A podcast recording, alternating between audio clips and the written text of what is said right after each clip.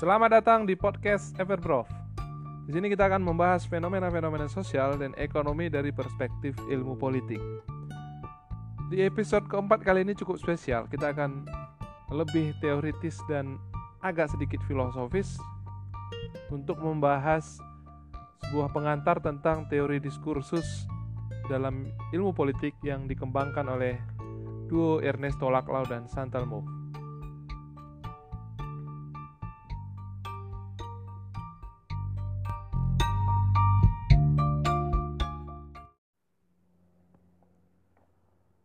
Konon, dalam sejarah modernitas, ada tiga anak haram yang tidak diinginkan kelahirannya. Karl Marx, Friedrich Nietzsche, dan Sigmund Freud. Marx adalah orang yang menciptakan teori kelas dalam masyarakat yang berusaha untuk menunjukkan dan membongkar kontradiksi-kontradiksi internal dalam kapitalisme. Nietzsche adalah filsuf yang mendobrak moralitas barat yang menurutnya dipenuhi dengan kepalsuan dan hanya dijadikan instrumen dalam menyembunyikan kehendak untuk berkuasa. Sementara Freud mengembangkan sebuah ilmu yang disebut dengan psikoanalisis yang juga membongkar tentang kesadaran dan ketaksadaran manusia. Marx kemudian mengilhami pemikiran-pemikiran tokoh seperti Antonio Gramsci, Louis Althusser, dan sebagainya. Nietzsche menghasilkan teori yang kemudian dikembangkan dengan sangat baik oleh filsuf Prancis bernama Michel Foucault dalam teori genealogi. Sementara Freud menghasilkan filsuf asal Prancis, Jacques Lacan yang kemudian mengembangkan psikoanalisis yang sudah diletakkan fondasinya oleh Freud. Nama-nama filsuf tadi adalah orang-orang yang berpengaruh atau memberikan ilham kepada dua tokoh yang akan kita bahas kali ini, yaitu Ernesto Laclau dan Chantal Mouffe, tentang teori diskursusnya. Teori diskursus ala Laclau dan Mouffe ini bisa dikategorikan dalam spektrum ilmu sosial sebagai kelompok post-struktural dan post-Marxis. Nanti kita akan jelaskan bagaimana. Laclau adalah filsuf asal Argentina yang mempengaruhi banyak gerakan-gerakan kiri di Amerika Latin di akhir abad 20 hingga awal abad ke-21. Dia kemudian e, ber, bertemu dengan Chantal Mouffe, eh, ilmuwan sosial dari Belgia yang kemudian menjadi istrinya dan sama-sama kemudian mengembangkan teori diskursus yang tujuan awalnya adalah untuk mengevaluasi teori Marxis yang terbukti gagal setelah komunis runtuh dan setelah sosial demokrat gagal. Dan ditandai di tahun 90 itu blok timur atau Uni Soviet dalam perang dingin itu runtuh sehingga menandai eh, Fukuyama menyebutnya sebagai akhir sejarah dengan kemenangan demokrasi liberal.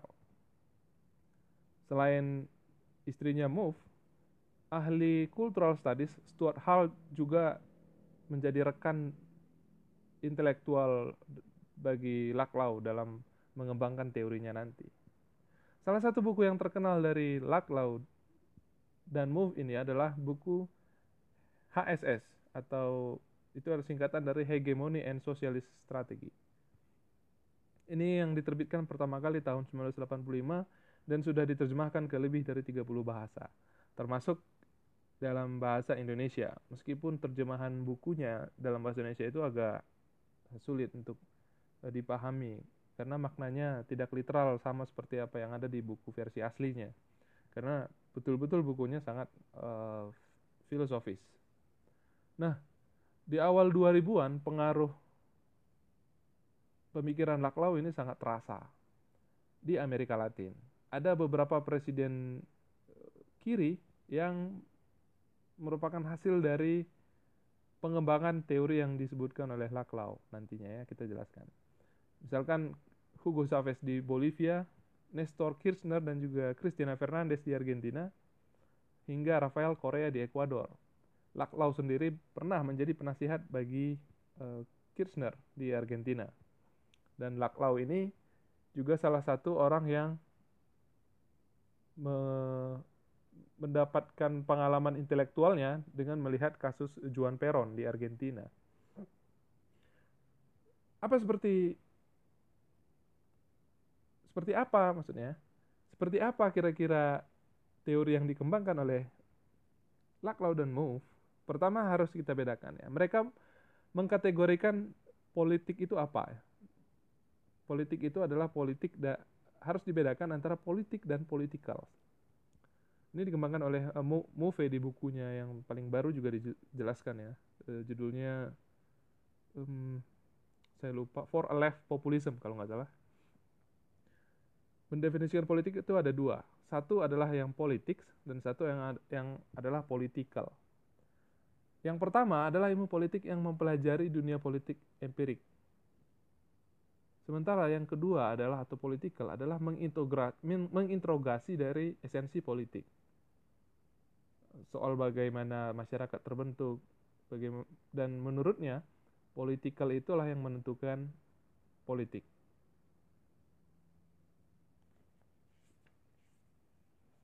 Nah, kalau yang pertama politik itu adalah politik yang konvensional, ilmu politik konvensional yang berorientasi pada aktor politik seperti negara, parlemen, parpol, masyarakat sipil, relasi mereka dalam mendapatkan kekuasaan dan seterusnya.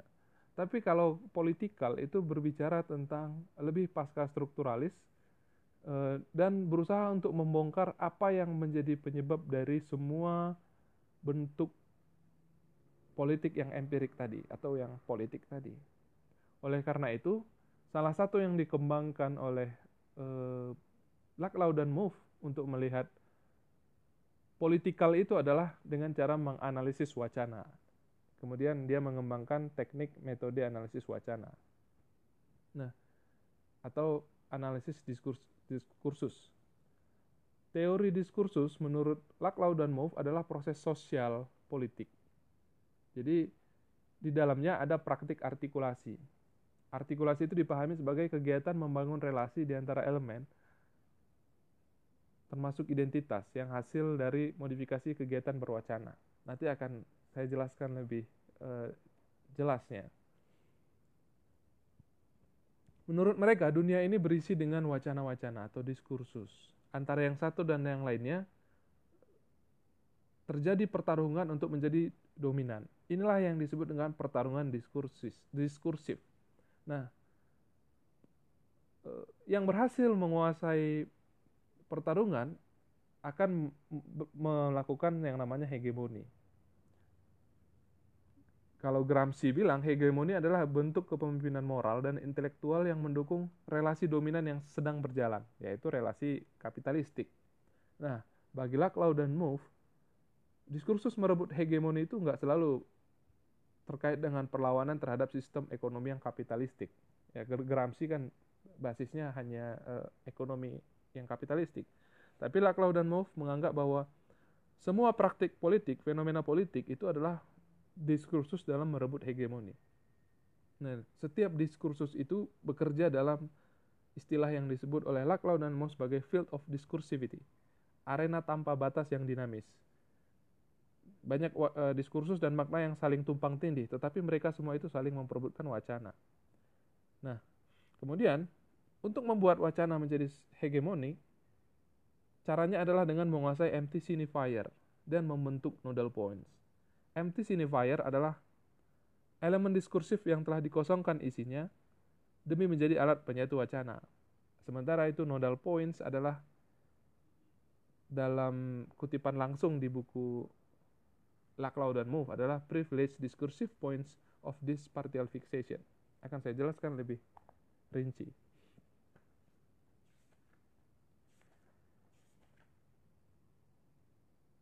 Siapa yang membentuk diskursus tadi kita berbicara bahwa setiap peristiwa politik adalah peristiwa diskursus ya. Siapa menciptakan diskursus? Adalah orang yang bisa melakukan praktik artikulasi.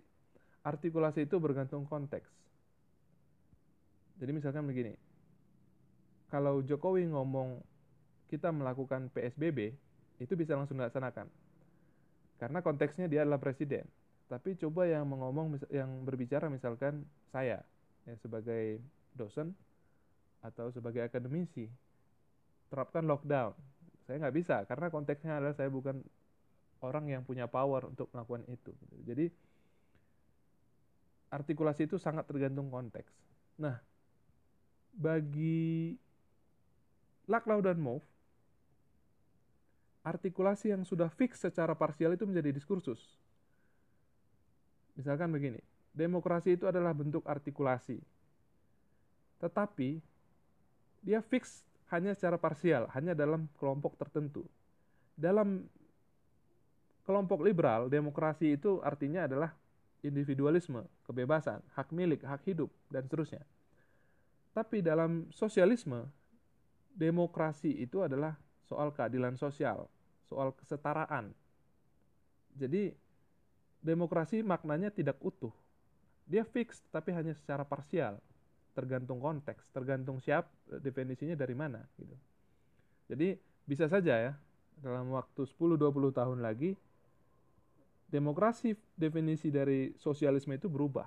Tapi kalau demokrasi versi liberal biasanya dari dulu dari sejak zaman eh, John Locke itu sudah itu-itu saja.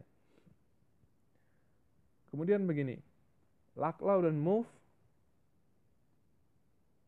mengembangkan pemikirannya dari fenomenologi yang dikembangkan oleh Heidegger, seorang filsuf bernama Martin Heidegger. Heidegger itu menolak cara berpikir objektivisme. Dalam kacamata struktural, semua fenomena itu tidak pernah berdiri sendiri, tapi selalu ditopang oleh satu struktur besar di belakangnya. Misalkan, kata kelompok Marxisme, semua orang itu bebas, tapi semua itu ada penopangnya, yaitu kapitalisme.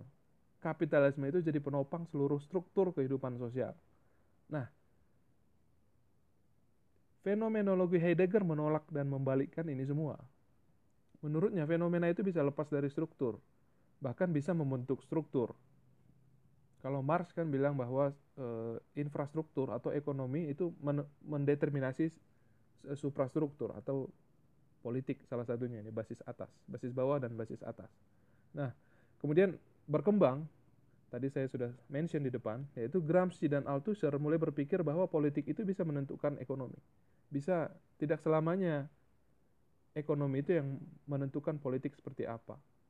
Nah, bagi Laclau dari sini kemudian dikembangkan bahwa ma masyarakat bukan struktur fix seperti yang Marx katakan yang tapi selalu sifatnya adalah kontingen. Kontingen itu artinya selalu berubah. Kapan saja bisa diubah, tergantung bagaimana politik yang membentuknya. Tadi kita berbicara soal politikal di, di awal. Jadi di sini adalah tergantung dari politikal seperti apa yang menentukan politik. Ada konsep namanya Dasein dan Das, Das, Dasman ya. Kalau Dasein itu setiap orang ada dan memahami dunia di sekitarnya. Itu adalah memahami eksistensinya sementara dasman itu adalah cuman ada tentang ya dia ada orang banyak dia tahu tapi dia ada tapi dia tidak punya eksistensi ini eh, konsep politik dan politikal tadi yang saya sebutkan di awal diambil dari fenomenologi Heidegger ini jadi setiap manusia atau subjek itu harus memahami fenomenanya Nah, yang lain bilang bahwa fenomena itu dibentuk dari luar. Ya.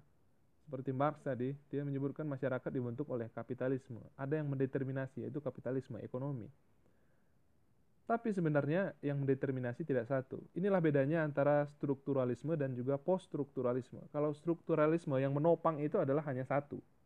Tapi kalau sudah pasca strukturalisme atau poststrukturalisme, sudah bisa lebih dari situ. Laklau kemudian menggambarkan bahwa itu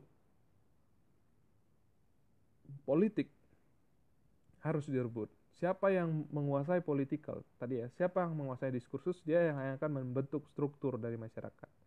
Nah, Laklau kemudian mengambil Heidegger dari politikal uh, untuk kon menjelaskan konsepnya politikal. Itulah yang disebut dengan kemudian ada ontologi dan ada ontik. Ontologi itu adalah dia mengenai uh, ada ya. Kalau ontik adalah hal-hal yang detail. Tapi kan harus ada dulu baru ada yang detail.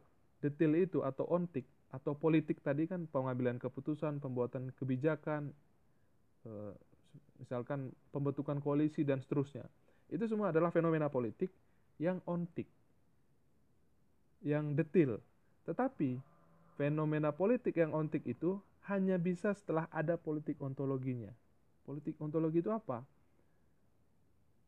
Itulah yang esensial, itulah yang harus dibongkar, dan itulah yang dalam definisi Laklau dan Mouffe disebut sebagai antagonisme. Oke, tadi saya singgung soal Foucault yang mengembangkan teorinya dari uh, Friedrich Nietzsche.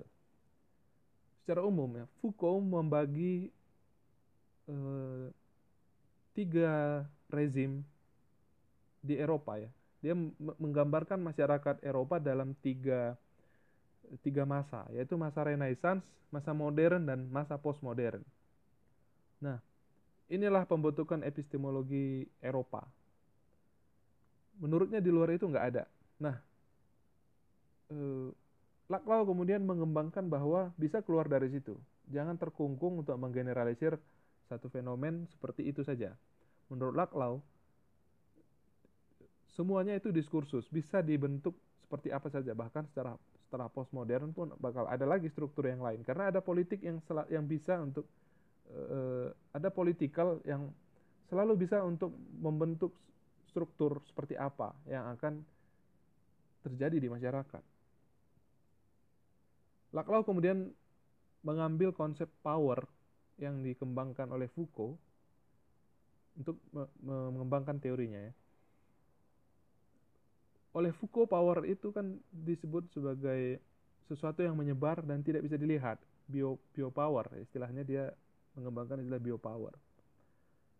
Kalau struktural itu melihat kekuasaan itu melekat pada institusi. Foucault kemudian membantahnya mengatakan bahwa enggak begitu.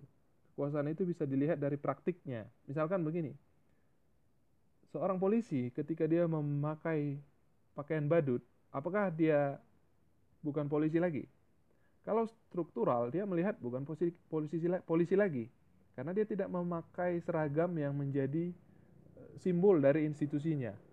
Nah, bagi Foucault yang masuk dalam golongan pasca struktural, meskipun polisi tetap pakai baju badut, tapi dari praktiknya dia itu bisa menerapkan ataupun bisa melakukan hal-hal yang menjadi kewenangannya menegakkan hukum, ketertiban, dan sebagainya. Itulah kekuasaan. Itu juga berpengaruh dari dari teori Laclau dan Mouffe. Kemudian tadi ada Freud yang kemudian dikembangkan oleh Jacques Lacan. Apa kata Lacan? Sebelumnya ya, Freud itu mengembangkan sebuah ilmu bernama psikoanalisis yang menjelaskan fase perkembangan kepribadian manusia dia sebutkan ada tiga, tiga tahap itu. It, ego, dan superego. Lakang kemudian sedikit memodifikasi itu dengan istilah yang real, simbolis, dan juga imajinasi. Yang real adalah yang it dari Sigmund Freud. Real adalah semua yang belum terungkap atau dimaknai. Tidak sadar. Ini contohnya adalah bayi. Ya. Bayi pada tahap cermin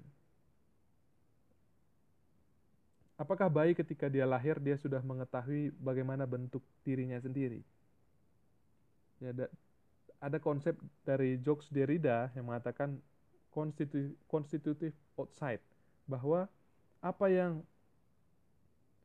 membentuk dirinya, kesadaran dirinya itu adalah apa yang dilihat dari cermin misalkan ketika yang dialami oleh bayi.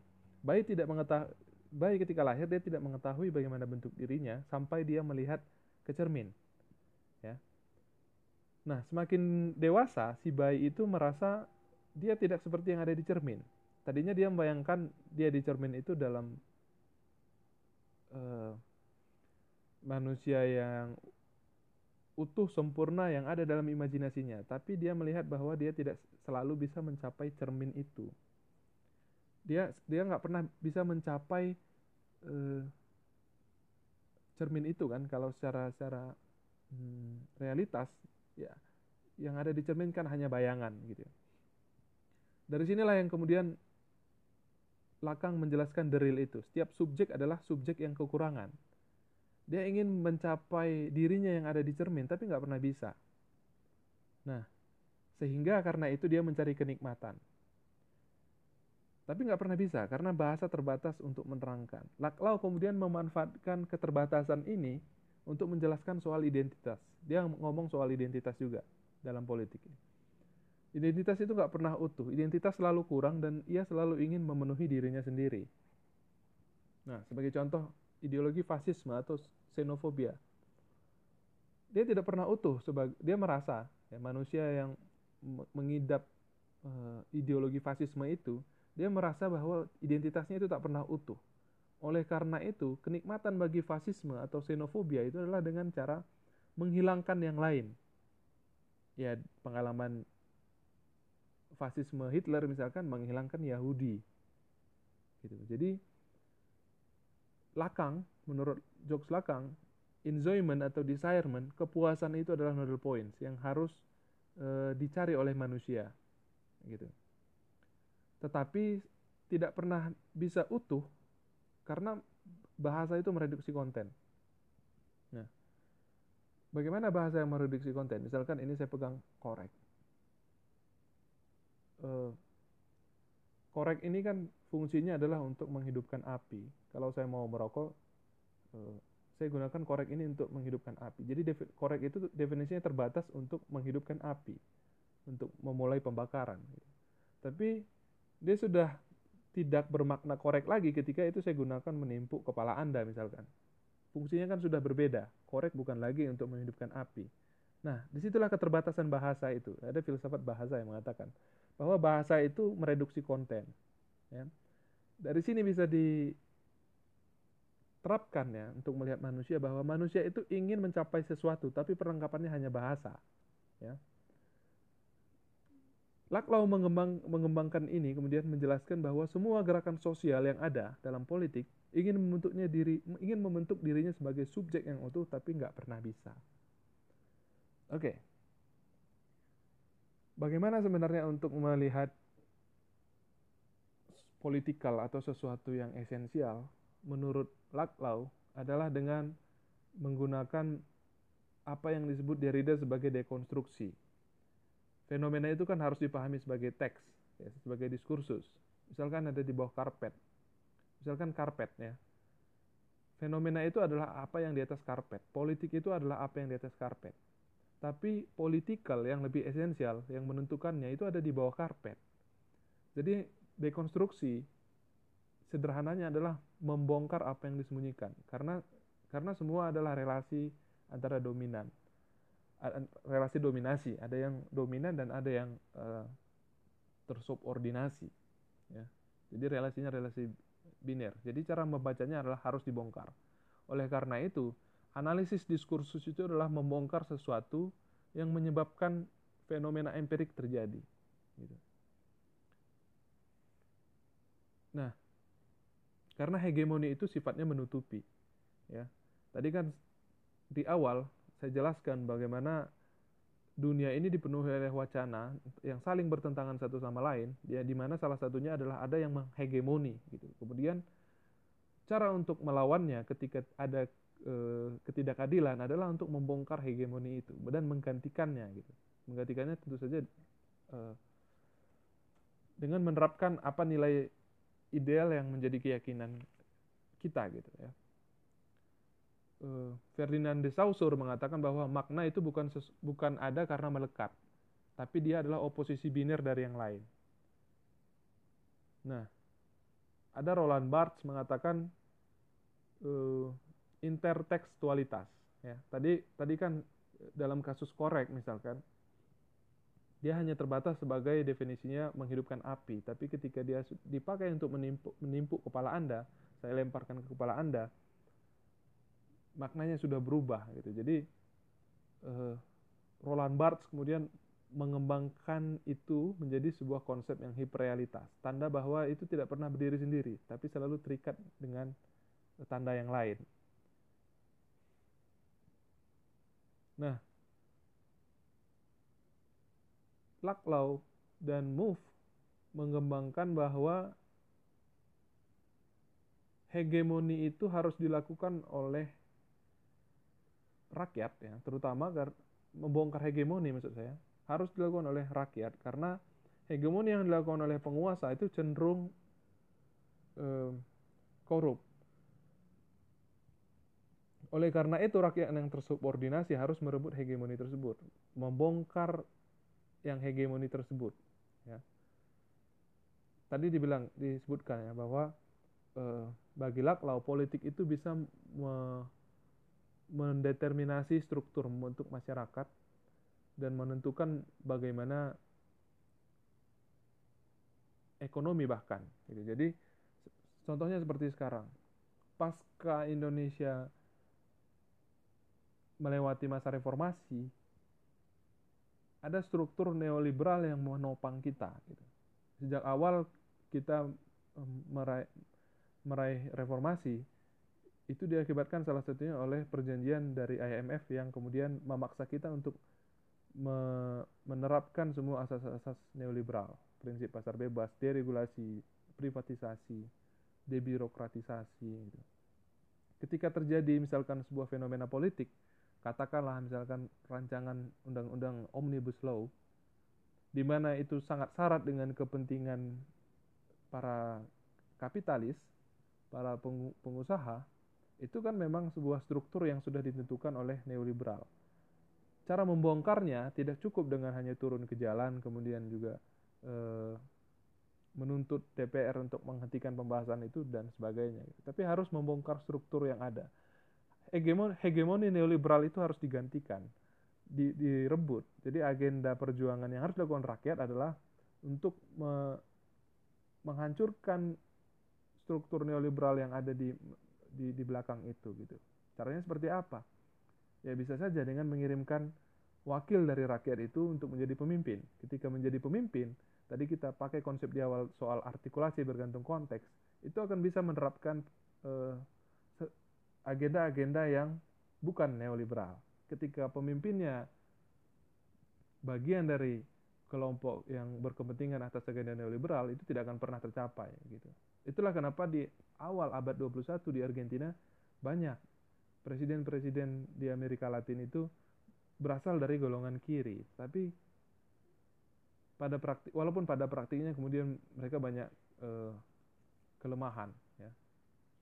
Jadi kira-kira itulah tentang pemikiran Laklau dan juga Move tentang diskursus. Jadi menurutnya semua yang terjadi di dunia ini adalah diskursus.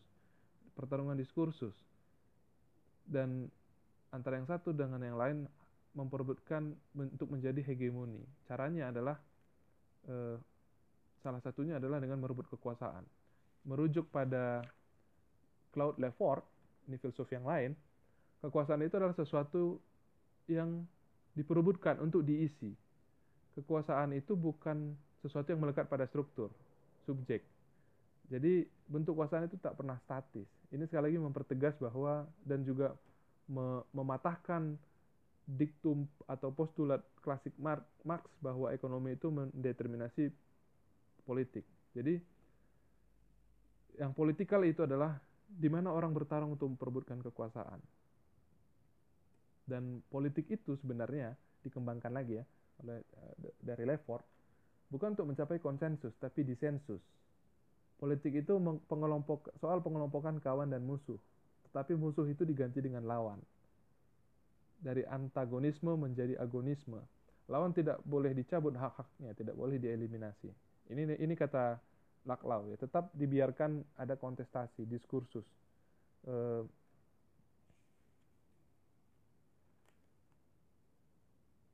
Hannah Arendt itu mengatakan bahwa politik yang ontologis itu terjadi ketika ada ruang kebebasan dan ada deliberasi publik. Begitu. Jadi inilah kira-kira gambaran dari Laklau dan Move tentang diskursus dan ini menjadi penanda penting dalam perkembangan ilmu politik, mengubah ilmu politik menjadi lebih eh, ini disebut sebagai ilmu politik kontemporer. Sementara ilmu politik yang lain yang yang tadi di awal saya sebut sebagai politik itu adalah yang konvensional. Jadi politik yang sejatinya, ilmu politik sejatinya bukan hanya mencari tentang bagaimana memperebutkan kekuasaan, bagaimana, tapi melihat bahwa apa esensi dari itu semua, apa struktur yang membentuk dari hal itu semua. Gitu. Dalam bahasa filsafatnya ada yang disebut ontik dan ada yang disebut ontologis. Nah, bagi Laclau dan Mouffe, politik itu harus melihat sesuatu yang ontologis itu, bukan melihat sesuatu yang ontik.